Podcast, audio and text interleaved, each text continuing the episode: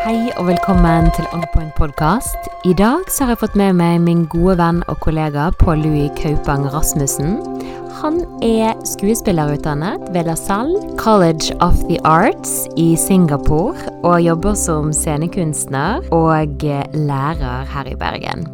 Og vi har jobbet sammen ved en, en rekke anledninger. Og eh, ja, jeg inviterte han jo hit i dag fordi jeg syns det er så spennende at vi begge har studert teater i utlandet. Han er helt i Singapore, og, og jeg i Roma på, på italiensk. Så eh, vi har jo en del til felles her, da, så eh, jeg tror at det kan bli en, en spennende prat. Så ja, da får vi prøve å holde oss on point her. Hallo, Pål, og hjertelig velkommen. Hei, hei. Veldig kjekt å være her. Gud, altså, vi er jo faktisk da blitt omtalt som en duo, Pål. Ja. Det skjedde sånn plutselig. Ja, det skjedde sånn plutselig. Vi har jo vært med i Parodi Grand Prix. Det er jo en stor greie her i Bergen. Men la oss spole litt tilbake, for det er jo mange som spør hvordan ble vi kjent? Ja, det er veldig rart. Det har vi sikkert lurt på, vi begge to. Ja, Eh. jeg mener faktisk å huske at det var eh, eh, på Fyllingsdalen eh, teaterskole. Yes. Ja, jeg var på vei ned til deg på teaterskolen, for jeg skulle markedsføre en audition. Jeg skulle sette opp en forestilling, en ungdomsforestilling, og så skulle jeg ned og fortelle om en audition jeg skulle ha på Fyllingsdalen sin teaterskole. Ja. Og der kom jeg inn, og, og der satt du så en jeg ikke hadde peiling på hvem var. Hadde den jobben jeg hadde før, og jeg var sånn Hvem er nå denne damen? Ja, Der møttes vi. Uh... Etter det, så på et eller annet punkt la vi hverandre til på Facebook. ja. Så skulle jeg lage et arrangement hjemme hos meg, En koselig tilstelning, Ja. som du så ofte har hjemme hos som deg, Som ofte har hjemme hos meg. Men det som er typisk meg, er at jeg tenker det er gøy å samle folk, folk som ikke kjenner hverandre, lage en event. Og jeg inviterer jo alle mine nære og kjente, men jeg inviterer også hele verden som ikke kjenner meg, men Mm. som kanskje vet hvem jeg er, eller ikke vet hvem jeg er. Mm. Og så deriblant så eh, fant jeg deg på Facebook den dagen. Kanskje var du kan, feel so Kanskje var du aktiv på Messenger eller noe. Jeg tenkte ja, vil du komme på fest eller en greie kveld? Og folk flest sier da nei. Mm. Folk flest er bare sånn Hvorfor spør Louis meg? Dette er kjemperart. Ja. Men du møtte opp. Og det forteller jo både hvor gæren jeg er, som ønsker å lage eventer for hele verden og skape gode øyeblikk for alle mennesker på jord, som jeg ikke kjenner også, men også hvor gal du er, som møter opp hos en person du egentlig ikke kjenner. Men altså, jeg følte jo at jeg kjente deg, sant? Altså, eh, når man har tatt samme type utdanning, vi hadde samme type jobb, ehm, da har man så mye til felles. Og det at du på en måte er utadvendt og hyggelig og på, og her kommer vi litt inn på dette her at eh, Sant, jeg har jo òg bodd i utlandet, og da lærer du denne her eh, Hva heter det for noe? Skillsen. Eh, Hva heter det på norsk? Ferdighet. Ja, takk. Denne her ferdigheten eh, med å lære seg å bygge nye relasjoner og få nye venner, selv i voksen alder. For det er faktisk en ferdighet. Er du klar over det, Pål? Jeg har hørt det. Mm, Men, jeg har òg kjent på det. Jeg slet med det sjøl, selv, selv om jeg hadde fått de ferdighetene i utlandet. For Mm. når jeg studerte i Singapore, så måtte jeg hele tiden bli kjent med folk. Faktisk om igjen og om igjen. For det som er typisk Singapore, er at alle bor der midlertidig. Så gode venner du har, de bor der i et halvt år, og så flytter de vekk. Så må det bli med noen nye folk. Men så selv om jeg hadde blitt veldig god på det, og hele tiden gjøre meg selv sårbar og tilgjengelig, og si 'hei, skal vi henge'? Så når jeg kom tilbake igjen til Bergen, så var det kjempevanskelig. For da var man tilbake igjen til sitt hjemsted. Og plutselig alle de venner man hadde, eller har, var enten opptatt med sitt liv eller flyttet til en annen by. Og du flytter tilbake igjen til din hjemby, så er du ikke ny, interessant. Og du Da er det Da syns jeg det var vanskelig å, å bli kjent med folk. Eh, så jeg har jo vokst siden den gang, men da var det sånn Den identiteten jeg hadde på videregående, som gjerne var litt mer Litt mer sjenert, litt mer wallflower. Jeg vokste kanskje når jeg var ute i den store verden. Mm. Men jeg, uten å vite det sjøl, så bygget jeg en ny personlighet. Ja, og dette må vi komme litt mer inn Mm. på. Og jeg syns det er super eh, Altså, ikke eh, Nå slenger jeg internasjonale gloser ut her. Fascinating. Fascinerende. det er derfor vi må ha pod sammen. Du oversetter alt jeg sier, for jeg er så Men altså, sånn er jo det når man snakker forskjellige språk. sant? Og jeg har jo pratet mye på italiano Mm. i Roma, og jeg syns det er så morsomt at jeg som ble oppvokst eh, på Skinstø her utenfor eh, Bergen, valgte å dra til Roma for å studere teater til slutt. Det var kanskje ikke den intensjonen jeg hadde først, men jeg kom der omsider. Alle veier fører til Roma. Så meg fra Skinstø til Roma, og du fra Salhus til Singapore. Altså Det Jeg føler vi er litt sånn soulmates. Yes. Og det er jo egentlig veldig rart at jeg dro til Singapore, for på videregående mange tolket meg som da Salhus-strilen, som var veldig nasjonalromantisk. Eh, opphøyet Bygde-Norge. Opphøyde strilelandskapet. Norsk språk og kultur. Det kan være jeg var litt med på det sjøl, siden på videregående og på dramalinjen så er det så viktig det. Du må finne deg selv. Du må finne ut hva er spesielt med deg. Og jeg hadde jo kommet fra eh, ungdomsskolen, bare følte meg som en beige, ordinær, kjedelig person. Eh, og se Nei, men Nei, jeg drev med gøye ting. Jeg drev med teater. Men plutselig var det på dramalinjen hvor alle Det var ei som gikk rundt med hjelm på øh, skolen på grunn av at hun følte Jeg tar et sånn annerledes fashion choice. Jeg finner meg sjøl.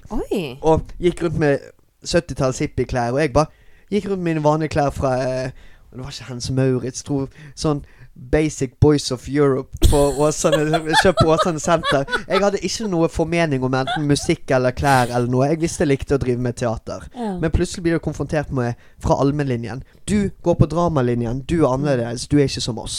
Mm. Dere er raringer. Dere er særinger. Mens jeg følte jo meg ikke helt sånn. Men da er det et press. Da at Mm. OK, da må jeg være annerledes. Da må jeg Og ubevisst så skapte jeg da en karakter rundt det at jeg var den eneste fra Salhus. Ja. Og jeg la faktisk til flere strileuttrykk. Det var nesten som om jeg åpnet Alf Hellevik sin nynorskordliste og bare plukket med meg flere nynorskord. Litt for å bare Jeg må skape min karakter, og dette var ikke noe jeg var bevisst på. Nei, nei. Eh, jeg begynte å gå med da sixpence og frakk og greier, så ja. Det ble skapt en nasjonalromantisk strilekarakter, men så drar jeg da fra Salhus til Singapore, og plutselig blir urban. Og jeg er jo egentlig Jeg hadde mine fem første år på Flaktveit, så jeg er jo ikke så strilete, egentlig. Det Nei, Du er hardbarka jeg er egentlig flakka fra drabantby. Så, så der Og folk i Salhus mener jo at jeg er innflytter. Ja. Men dette syns jeg er kjempespennende, og dette har jeg lyst til å, derfor har jeg lyst til å snakke med eh, forskjellige folk her på podden. Og det er jo fordi at det er så gøy å eh, se hvor folk kommer fra, hvilke valg og veier de har tatt, og litt vise det at veien kan være kronglete og ikke alt er sånn som det ser ut til. Og du er jo ganske modig, da. Det må jeg jo si. Og det, når jeg sier det til deg, så gjelder jo det egentlig til meg sjøl òg. Jeg følte jeg dro til fremtiden i Singapore. Ja, ja. Jeg dro tilbake Ja. til ruinene, og du dro inn i fremtiden. Men det er så tidlig Alle i Singapore ser så sykt opp til Europa. At de ser ut som at Europa, uansett hvor kjipt Ja. det kan være i Europa, og de vet at det er fattigdom og skitt og drit i Europa, så idealiserer det som om det er det mest romantiske, det beste og flotteste. Og derfor alle bare Hvorfor er du her? Det er jo den tendensen vi alle har. sant? Gresset er alltid grønnere på den andre siden. Og det er jo egentlig ikke det, og vi har jo sett nyansene i det, da. Men det er jo klart at det er jo utrolig slitsomt. Sånn, Vi drømmer jo òg om eh, ikke minst klimaet, maten og kunsten og alt som er fantastisk i Italia. Arkitektur og eh, whatnot. Men eh, det er jo klart at eh, det er jo andre problemer der nede. da. Veldig høy arbeidsledighet blant ungdom, f.eks. Ja da, ja da, ja da. Og jeg kjente jo det når jeg gikk på skole der nede, at jeg ble jo veldig preget av å være omringet av folk eh, som hadde litt mer pessimistisk. Ikke alle, da. Men sånn generelt eh, men Jeg vet ikke, det er jo eh, Det kan jo variere veldig mye fra miljø til miljø. Men eh, ja, vi har mye mer muligheter her i Norge, da. Sånn at vi, Jeg, altså, vi har tryggheten, da. jeg merket at de andre som gikk i klassen min, måtte jo ha argumentert mye mer med foreldre på det valget de har tatt om Ja. å studere kunst. Mm. Mens jeg har jo aldri fått noe motstand der. Fordi jeg tror foreldre her tenker at ja, ungen min kommer til å overleve uansett. Yay, velferdsstaten. Ja. Eh, mens de som gikk i min klasse i Singapore, hadde jo da måttet argumentere veldig med foreldre med at jeg kommer til å legge inn så mye innsats. Jeg kommer til å skape et liv for meg selv. Jeg kommer til å overleve. Mens det har jo aldri mine foreldre engstet seg over. Jeg tror jo det Det er jo på én side så gir det deg et spark bak. Det gir deg en indre drive, da.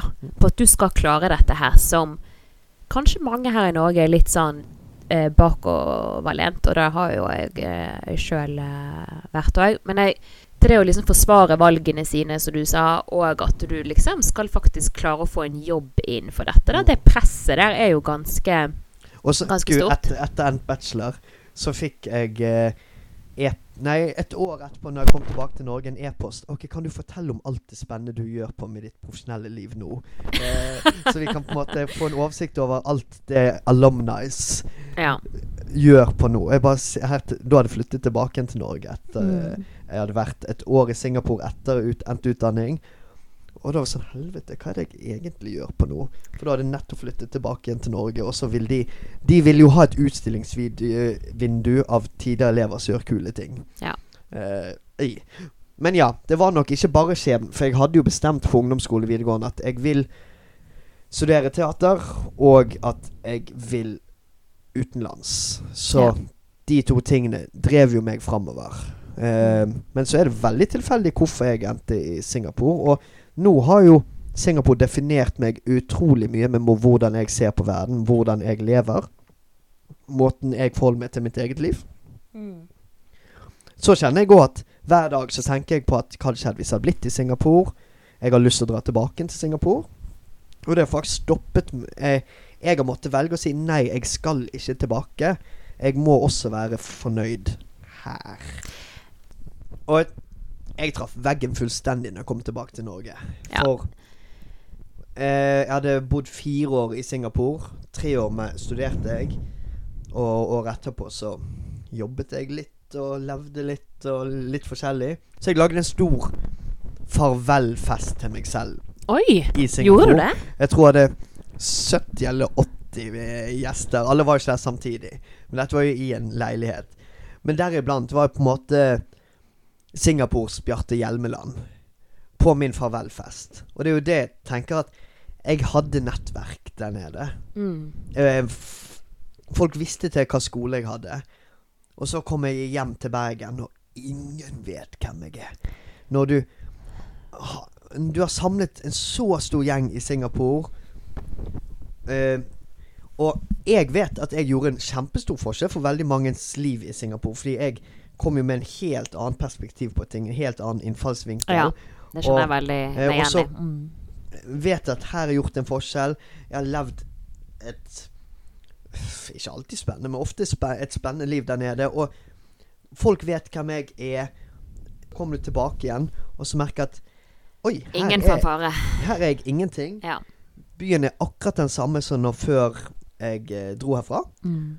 Og Men du har endret deg så mye. jeg har endret meg så mye, men ingen vet det, og ingen bryr seg egentlig. Og da føler jo man seg ganske ensom. Mm. Eh, du drar ut. Der skiller du deg ut naturlig. Sant? Alle Yes. ser på meg som det- den norske Og du får veldig mye gratis i det å være en alien, en fremmed. Ja, fordi, Eh, Fordi det blir plutselig en del av din personlighet. At Ja. plutselig jeg er den norske, jeg er fremmed, jeg hører ikke til her.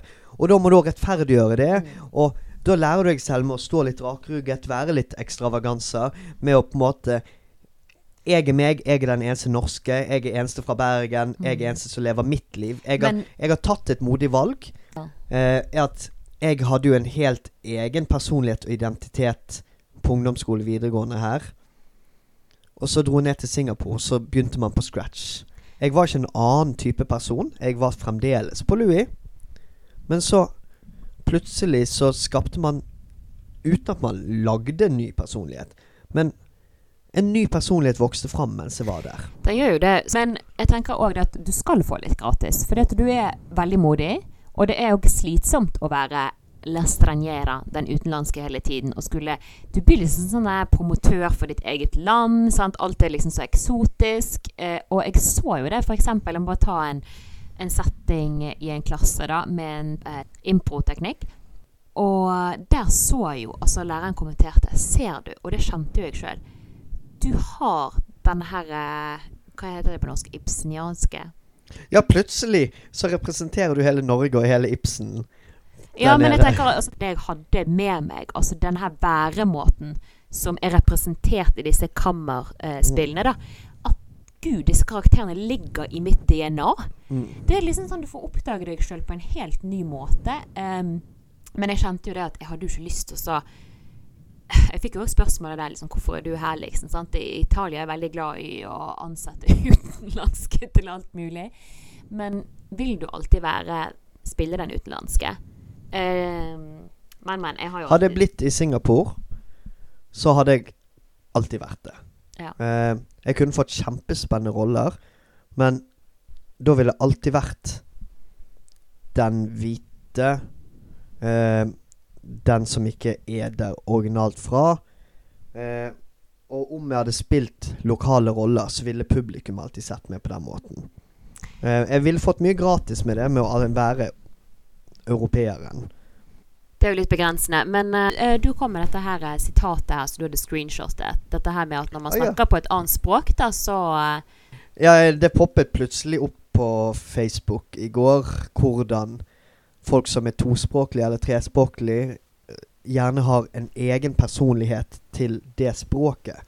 Og når man da selv Når man slår over på det andre språket, plutselig blir den nye siden av deg aktivert da, bare pga. at du snakker et annet språk. Ja, men absolutt. Det er litt sånn den der eh, Ja, hvem er jeg? For jeg har jo lest sånne artikler om dette før, og det har jo kjent på dette er sant for meg, da. Jeg har jo slitt litt med å finne igjen hvem, hvem er jeg her? Og hvordan kan jeg integrere disse to personlighetene? Går det egentlig an?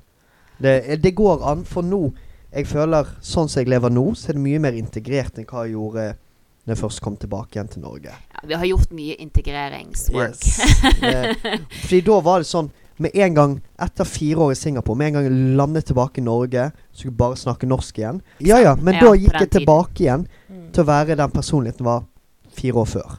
Ja, vet du hva, du føler, det føles faktisk sånn ut. Og for folk som ikke har opplevd dette, så skjønner de ikke. Så det her tenker jeg at jeg bare føler meg så forstått uh, av deg, da. Spesielt siden vi har liksom tatt samme type utdanning òg, da. At det er så sinnssykt uh, deilig. Så jeg har måttet aktivt prøve. Ok, jeg må finne et sted hvor Singapore-Pål og Norge-Pål mm. møter hverandre. Mm. For det at Man blir jo eldre òg, men jeg, når jeg var da 23, kom tilbake til Norge så oppførte jeg meg som 19 eh, år gamle på Louis igjen. Ja, uh, jeg syns det vaklet veldig. Og jeg var jo ca. åtte år og reiste jo til Italia eh, frem og tilbake i, i, mer enn det, mer enn ti år kanskje. Nå har jeg nettopp vært i Italia, så jeg sliter litt med norsken. Eh, og da kommer det ofte engelsk ut. Men eh, til ti formano, ti eh, de Definerende eh, Ja, er de definerende årene som, eh, som for, former deg. Takk. Formende årene. Skulle, yes. Men det er jo utrolig hvor mye av den kulturen som sitter inni, marg, inni beinmargen min. Uh, men uh, så møttes jo vi, og så har vi dannet en liten duo, da. For der spurte jo du meg om å, om å bli med Var det to år siden? På ditt uh, Parodi Grand Prix-nummer. Yes. Siste liten. En hemmelighet. Uh, det, var, det var det vi kalte det. Yeah. Det var det du kalte det. Jeg så på yes. det, så bildet av det i går. Vi havnet jo Du havnet jo, for det var du som skrev og lagde og alt, på andreplass. Uh, lagde jo et skikkelig bra nummer. Parodi på Vidar Villa. Ma moren din. Yes. Ja. Vi uh, har jo øvd en del i stuen din, Pål. Yes. Og i år eh, så uh, stilte vi igjen, og da kom jo hjem fra Italia, eller du, før jeg kom, eh, sa 'kom, la oss mekke noe, la oss finne på noe'. Mm. Eh, og så har jo vi vært med på noen Friends-episoder på Ole Bull med Teater Pappvin Bergen, og der fikk jo jeg ideen. Yes. Jeg har lyst å lage noe med noe åndenes makt-greier. Noe åndelig, noe humorgreier. Eh, Det utviklet seg videre, og eh, ble da Åndenes makt, som vi stilte med i år. Vi stilte med åndenød. Takk. Vi stilte med Åndenød. Jeg som Lille By, du som Tom S, programlederen. Tom Strømnes. Og gud, så stressende det var. Jeg snakker østlandsk. Dialekter, det bare funker ikke for meg. Men jeg, det gikk greit til slutt. Ja, men det er Parodi Grand Prix. Det er fantastisk publikum. Det er, det er bare gøy. Og jeg heller fikk jo ikke så god tid til å studere Lilly Bendriss og sin folk dialekt. snakk, alle snakker om din Lilly Bendriss. Nei. Eh, jo. Eh, jeg treffer venninner, jeg treffer venner. Alle bare sånn Det var noe mest episke. Eh, eh, eh, noen jeg kjenner, Mathias og Marius, eh, venner av meg, de sa når de var på kjøkkenet nå for noen dager siden, så begge parodis, parodierte Iselin sin parodi av Lilly Bendris. Så i sin leilighet så spiller de, de da Iselins Oh versjon av Lilly Bendris. Så det er noe som da fremdeles skjer. Oh my god, vi kan jo bli helt sånn litt flau og litt rørt på samme tid. Dette er det, Altså, tenk eh, Men takk, Pål, for at du uh, Uten deg, altså uten din støtte, så hadde jeg aldri kommet meg på scenen eh, som Lilly Bendriss. Uh, Iallfall ikke i den settingen. Kanskje seinere en eller annen Mm. gang. Men det må jeg bare si. Tusen takk til deg. Du bare heier jo bare når jeg eh, står på prøver der og bare Oh my god, jeg føler at jeg ikke er nok. Og du kom med det ultimate sitatet. Iselin, you're always extra. Ja, ja. Du er alltid ekstra. Men det er jo du òg. Men det er bare så fantastisk at du ser den siden av meg, da. Så uh, thank you. Og også eh, for noen uker siden jeg hadde en liten forestilling i min egen stue. Ja, det må jo vi snakke litt mer om. Det er ikke bare en liten forestilling. Det er jo det nye performance-konseptet Det er ditt i stuen til Pål. eh. Pål har invitert meg med. Han har lyst til at vi skal gjøre noe Ibsen-greier. Yes. Neste episode. Denne episoden i oktober. Faen. Jeg eh, Vet du hva, Pål? Jeg tar utfordringen. Yes! Ha! Jeg vet ikke hva, jeg hiver meg ut Og jeg tror det. det er så bra. Og jeg tror sånn Altså, vet du hva?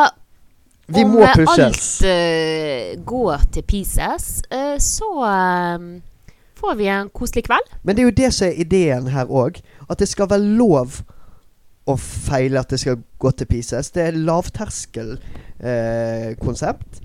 Eh, Ja, og det må vi bare skyte inn her. Her kan uh, da folk eh, sende en melding til deg, Pål. Mm. Og uh, han har noen dogmer. De står på Facebook-siden hans i stuen til Pål. Mm. Kan følge ham på Insta òg. Da er det framtidens uh, Iselin som bryter inn i samtalen her for å meddele at meg og Pål vi tok en liten uh, dopause. Og når vi kommer tilbake, så ser han at uh, ja, jeg har Eckhart Tolle her i bokhyllen. Jeg må òg bare beklage at det er litt eh, skurring på lyden her. Men uh, Pål slangs ned på sofaen, og der var det litt lyder når han uh, flyttet litt rundt på puter og sånn. Men tilbake til Eckhart Tolle. Hvis du ikke kjenner eller har hørt om han, så er det han som har skrevet boken 'Power of the Now', eller 'Det er nå du lever', som den heter på norsk. Og eh, ja, eh, det var jo 'A New Earth', eller 'En ny jord', som, som sto der i bokhyllene. Og det er vel den andre boken han har skrevet. Så kort fortalt, det er snakk om mindfulness. La oss nå høre hva Pål har å si om eh, saken. På vår eh, felles eh, venn Eckhart Tolle. ja. Du nevnte jo det at stemmelæreren din i Singapore anbefalte at dere skulle lese 'The Power of Now'. ja, vi fikk ny stemmelærer det tredje året. Og han skulle gjøre alt annerledes enn det vi hadde gjort tidligere. Så først Det var jo en vanskelig ting å forholde seg til. Og så sa han at vi måtte kjøpe A New Earth eh, av Eckhart Tolle. Og jeg kjøpte jo den og trodde det var en stemmebok. Og så at dette var en spiritualistisk new age. Jeg ble så forbanna. Jeg var sånn Du, jeg, jeg, har, jeg går her på en teaterskole. Eh, du skal lære meg om stemmebruk. Og så tvinger du på deg din, meg din religion, kjente jeg. Eh, det, det er kanskje ikke akkurat religion, da. Nei, nei, men jeg åpnet de første Dine si- ja. sidene, og eh, det var bare om symboler og lotusblomster. Og jeg Det var et sinne som våknet. Ja. Så for meg, med Eckhart Tolle, så måtte det gå et halvt år før jeg plukket opp igjen boken. Eh, det er jo interessant. Hvorfor vekket det så mye sinne i meg å lese om symboler og New Age i hermetegn? Eh, men jeg fikk høre fra stemmelæreren at du er bare ikke klar. Ja, det er jo litt morsomt, for jeg har jo anbefalt den her. eh, Men den er jo et, eh, et must. Enten uh, The Power of the Now, eller det er Nå er du lever, som den visstnok heter på norsk. Eller En ny jord. Han har jo så mye visdom å dele. Og det, jeg er litt enig med deg, for jeg òg har jo hatt sånne lærere som ikke pusher på beliefs. Men det er jo klart, når man er kunstner og må dykke dypt inn i seg sjøl for å ransake seg sjøl, som vi gjør som skuespillere, så er jo det klart at du eh, Mange er jo eh, quote unquote i anførselstegn eh, litt alternative. Jeg har jo hatt noen eh, lærere der òg, det er som eh, er veldig inn i yoga som meg sjøl. Og eh, ja, vi har jo gjerne yogaundervisning. Det å analysere karakterene vi skal spille, sant? det er jo dybdeanalyse. Eh, skyggesider. Og det er jo mye som kan bli tolket som magi òg vi holder på med. Eh, Exactly. For når jeg jobbet med maskearbeid, og da balinesisk maskearbeid, Mm. så i balinesisk maskedans så tror de at det er en karakter i masken. Som finnes i masken. Det er ikke Ja. noe du selv gjør.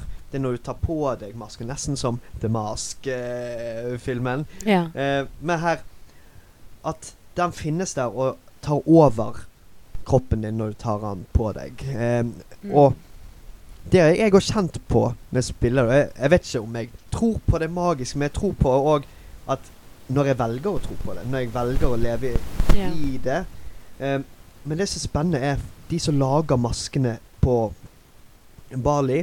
De må ha vært en maskedanser først, før de får lov å bli maskelager. Og når de De har et trestykke, og de har bare lov å grave ut masken, kjenner en connection med den karakteren inni trestykket. Så oh. det, det, karakteren finnes hele tiden inni trestykket, og du må finne den. Du bygger den ikke. Ja, så dette her er Michelangelo. For- altså den eh, Ja. berømte italieneren. Altså han eh, sa jo dette her. Han har jo skåret ut disse fantastiske statuene i marmor. Og det er ikke Han sa jo det er jo ikke han som lager de.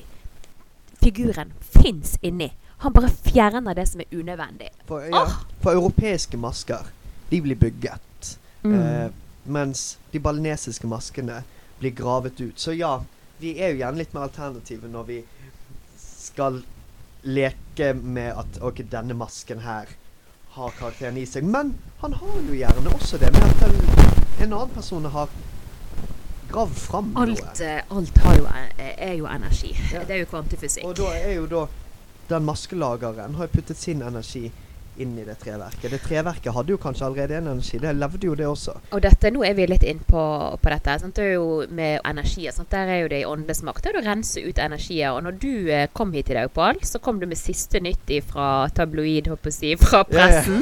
For jeg har jo snakket eh, om eh, opplevelsen min med Shaman Durek, som jeg eh, har jo fulgt en del. Så Pål han kommer jo alltid med nye sitat fra yeah, Shaman. Hva du kaller han? Shurek? eh, Shurek, Durek. Durek, Durek. Jeg vet ikke. For jeg er jo Selv om jeg har funnet min elsk i Eckhart Tolle med å leve i øyeblikket, og det har jobbet, hjulpet meg veldig mye i mitt liv, så er Eckhart Tolle Den finner aksepten av øyeblikket har hjulpet meg i det å skape ting, i å improvisere. Eh, men jeg har fremdeles har den konflikten med Helsiken, dette er så way out there. Jeg kan ikke helt akseptere det. Samtidig så jeg har funnet så gode opplevelser i det. Så det er jo der jeg er at Jeg mobber jo deg litt med sjaman Sjurek Durek Lurek. Ja. Eh, eh, samtidig så jeg er jo òg en som kan preike om Eckhart Tolle. Og det er jo ikke så langt fra hverandre. Du må bare fortelle han at du dro fra øvingene vi skulle ha til Åndenes nød for å oppleve sjaman Durek. Oh my Og god. da- det- Eh, der, der ble jeg igjen i Bergen. Og jeg var sånn Helsike, vi har ikke et produkt. Vi har ikke en eh, opptreden klar. Og bare, ja, men jeg skal ned til Stavanger og oppleve sjaman Durek. Jeg var sånn Iselin! Ja, men det var jo da jeg hadde fått ideen på den tiden om å lage podkast. Men eh, jeg må jo si at uh, det var uh, Jeg lærte så mye, så de som har lyst til å høre mer om det, kan uh, tune inn til den episoden. Jeg intervjuet meg jo min bror òg, og jeg kjente at det var magisk. Du som liksom var jo inne på Eckhart Tolle, og liksom bare på reisen ned og Jeg vet ikke, det er noe med reise, kanskje generelt, som gjør at jeg er veldig til stede. Mm. Eh, Man er veldig til stede når man er ute og reiser. mm. Det, det, selv om flyplasser er et forferdelig sted, så føler jeg ofte at jeg er veldig til stede mens jeg er på flyplasser. Jeg vet ikke hvorfor. Jeg tror det er det at jeg er ofte aleine når jeg reiser.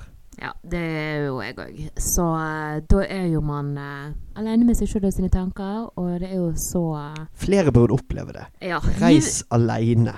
Ja, gjør det. Og du hadde jo siste performancen din på Stuen til Pål var jo om din, om din tur med restplass til Syden. Yes. Jeg omfavnet charterturisten. Og så lagde jeg en performance av det etterpå. Så jeg kan Unnskyld at det var research. Ja. Boom. Eh, hashtag hashtag reklame for i Stuen til Pål. Men det Altså, kom, jeg det kom, det kom ifra skam med at eh, jeg ikke klarte å bare akseptere at det er greit å være hjemme. Eh, en sånn Ja, og du hadde jo kost deg så masse i sommer. Jeg har jo jobbet, men du har jo bare jeg, jeg har badet, jeg har teltet, jeg har syklet. Jeg har gjort så mye kjekt i Bergen. Og så klarte jeg allikevel å kjenne på et stress, en skam, en frustrasjon på at jeg ikke var utenlands. Som om det egentlig har noen betydning. Ehm, og det er jo ikke Jeg skal jo ikke ha fanget i det. Det gikk imot alt det jeg står for. Jeg er jo sånn at jeg skal, når jeg skal ut og reise, skal jeg utforske noe. Jeg skal oppdage noe. Men nå var det bare det at jeg ikke hadde vært utenlands. Har jeg da egentlig hatt ferie? Så jeg skammer meg litt over det, men så var det veldig kjekt òg. Så ja, det Du fikk fint. jo deg en ny opplevelse, og Ja. det gjorde jo vi alle som kom og så deg på Stuen til Pål. Men uh, la oss uh, Beyond Gud. point. Be on point. Jeg tror kanskje det viktigste jeg har lært, både gjennom teater, Eckhart Tolle, reisende, er gjerne det å hoppe inn i øyeblikk uten å alltid ha kontroll og styre det. Det er jo litt uh, Ja, litt det med at vi har Det er faktisk utrolig lite vi kan kontrollere her i Ja. livet. Og at det er greit. At det er greit gjøre noe man ikke har kontroll på. Og det er først da improteater egentlig har funket for meg. At jeg går ut på scenen, og jeg vet ikke hva som skjer. Jeg vet jeg har ikke kontroll, og det går greit. Og det er så morsomt. Etter min teaterutdanning, etter fire år i Singapore, så sto jeg bedre på alpinski enn det hadde gjort når jeg bodde eh, 19 år i Norge. Det er en eh, interessant Og jeg tror at Eckhart Observasjon. Tolle og improvisasjonsteater gjorde meg bedre på alpinski. Fordi at Slik jeg forstår det, det handler veldig mye om å bare akseptere fjellet. Akseptere veien ned. Og akseptere at man har ikke kontroll. For når jeg var tenåring fram til jeg var 19 og sto på ski, så prøvde jeg å hele tiden styre og kontrollere. Men etter det, etter min reise inn teaterverden, reise ut til den siden av verden og Eckhart Tolle, så fant jeg aksept på at jeg kan ikke styre bakken. Jeg må fyke nedover med bakken. sammen med bakken. Og at ja, det er lov å være redd på at du ikke har kontroll, men når, hvis jeg prøver å kontrollere bakken og tempo og alt dette, så er det større sjanse for at det faller. Altså, Pål, her er det livsvisdom rett fra, fra sofaen i studio uh, on point. Uh, det er så sant, og det er jo eh, virkelig livsvisdom, fordi at man må ha ak noen ganger i bakken for å se at når du sitter og prøver å dra i alle tråder og prøve å manipulere verden og hvordan ting er, så det er så sinnssykt stress. Eh, altså Altså, livet blir så mye lettere når du gir F. Det har vært noen utfordringer for meg i år, og det jeg har funnet som mest terapi, er karaoke i stuen min hvor, når ingen egentlig er der. Ikke det, det handler ikke om å synge. Det handler om at Kjenne på disse vibrasjonene i kroppen mens man synger. Men ja, også fysiske energier. For sangen er ikke bare en sang, det er disse vibrasjonene. Jeg tror det er Samme funksjon kan noen ha når de danser alene, eller eh, når de trener, muligens. Mm. Eh, jeg fikk det nå med å synge, og det handlet mest av alt med det å Det er et øyeblikk hvor jeg ikke dømmer. Det er et øyeblikk hvor jeg ikke tenker. Jeg bare synger. Og det er det som er viktig poeng, der, for kanskje du finner det i yoga, kanskje finner du det på fjelltur. Kanskje vi finner det i, i teater eh, og eh, i kunst. Det, det stedet var Følte at jeg tenkte minst og levde mest, var etter at det var på en klovneworkshop på Bali av alle steder. Eh, og de tvang oss til å danse. Bare hva som helst. Bevege seg hele tiden i to timer. Kanskje var det lenger. Eh, uten å stoppe. Det var lov å ta ned i tempo. Men eh, det er nesten som om man ble høy på et eller annet gale. Eh, det, og, og fokusert, men ikke fokusert på tankene, bare fokusert på øyeblikket. Eh, og det, Ja. der ble vi jo Det var veldig strengt at hvis du slutter å bevege deg, så ødelegger du for alle andre her i rommet. Men det er Det er fint jo- å bli tvunget til det. Har du gjort Suzuki? Nei. Nei, Jeg tenker bare på bilen. ja, Nei. Suzuki, nå husker jeg ikke hva det er. Det er en japansk teater. Teoretiker, teatergud. Ja, jeg har jo Eh, lest om det. som- Mm. Mens du holder sånn dritvanskelige fysiske former, så skal du eh, Som gjør vondt i kroppen, så skal du uttale din Være i din fiksjon. Være i Mm. din sannhet. Fortelle en tekst. Samtidig som du forteller den teksten, så kan det være at læreren slår med kjepp i gulvet. Sånn pow! Og så skal du fremdeles holde fokuset i din fiksjon. Eh, og du tenker bare Herregud, nå slår hun meg. Jeg syns det er skummelt. I hvert fall når regissører som ikke har vært skuespiller sjøl, finner ut av dette. Og Ja, finner ut at vi skal ødelegge skuespillerne Nei, nei, nei. for Det, at det geniale skal komme ut. Det liker jeg ikke. de må ha Skal, respekt. skal du først utforske der at man skal bli helt utslitt, og så må du ha litt erfaring sjøl. Du kan ikke bare finne oh, 'Dette var en gøy idé. Vi skal slite de ut og gjøre at de har det jævlig.' Da kommer det geniale ut. Det er ikke riktig. Nei, nei, nei. nei. Det er jeg- mange teknikker, Ja, men jeg synes eh, når jeg ja. gjorde klovneworkshopen Noe av det fineste øyeblikkene var Igjen, vi skulle inn i en sirkel, og vi skulle synge konstant i tre minutter. Ingen sang var planlagt, og du skulle ikke stoppe. Og det var det punktet hvor du føler Nå har jeg ingenting mer å gi. Jeg har ikke noe Jeg har ingen melodier, ingenting mer jeg kan synge om. At det er først da det blir morsomt. Det er først da det blir gøy. Når du fortsetter å synge, improvisere fram sang da, og du kjenner litt panikken inni deg 'Jeg har ikke mer å synge om', og det er først da de geniale strofene kommer. Ja, men det er jo dette her som er så skummelt for oss alle. Vi synes du snakket om, at vi ikke kan kontrollere det, at vi ikke har planlagt det. For vi sitter jo ofte, når folk snakker, så sitter vi og tenker hva er det i alle dager vi skal si når de er ferdige å snakke? Mm. Sånn, Vi er ikke til 100 til stede og lytter, da. Så um, Nei, nei, men når eh, vi da har sagt det, så um, kan jo vi kanskje wrap it up her. eh, og eh, ja minne folk på om at uh, neste episode av I stuen til Pål er dato. 25. oktober er datoen for neste I stuen til Pål. Da blir det meg og deg og Yes. en uh, vill ande. Det blir i hvert fall Ibsen. Uh, Ibsen-inspirert. det blir Ibsen-inspirert. Vi vet ikke hva det er, og det er jo det som er gøy. Ja. At alt er lov. Uh, om du har lyst til å fortelle vits, om du har lyst til å eh, lage et maleri, om du har lyst til å gjøre samtidsdans, eller bare Ibsen. Alt er lov, alt er mulig. Eh, men eh, som du sa, det er lavterskel. Det er bare å gi en lyd til han hvis du er interessert. Selvfølgelig, han åpner eh, stuen sin eh, for at nettopp du òg Bli litt sånn som meg og Iselin. Dra til folk du ikke kjenner. si ja, gjør noe nytt. dra til i stuen til Pål. Boom. Ja, da vi kom til veis ende i denne episoden med, med deg, Pål. Eh, men da vil jeg ta og introdusere mitt, eh, mitt nye faste innslag i podkasten eh, ved å, å spørre deg hva er ditt spirit animal? Å guri malla, det har jeg ikke tenkt så mye på.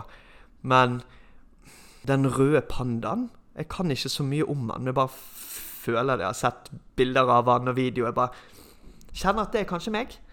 Ja, jeg liker at du føler dette her. Sitter vi her og drikker yogi-te. Kan ikke du fortelle meg hva som står på lappen? For de som, eh, for de som ikke kjenner yogi-te, så er det alltid litt sånn quote på, på den um, teposelappen. På min yogi-te står det 'You are unlimited'. Oh. Det er du, og det er vi alle. Men eh, ja, nei, men på den noten der så avslutter vi. Så uh, tusen takk for at du kom, uh, Pål. Ciao for now. Ha det.